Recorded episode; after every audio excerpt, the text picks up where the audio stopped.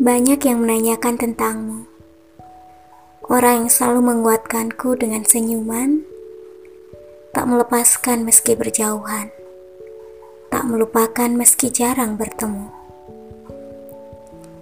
Terima kasih atas hati yang luas itu, hati yang selalu menampungku. Terima kasih atas mata yang indah itu, mata yang selalu melihat ke arahku namun tak melalaikan arah lainnya. Tetaplah menjadi pemikat hatiku, jadi tempat hatiku untuk berpulang dan menetap.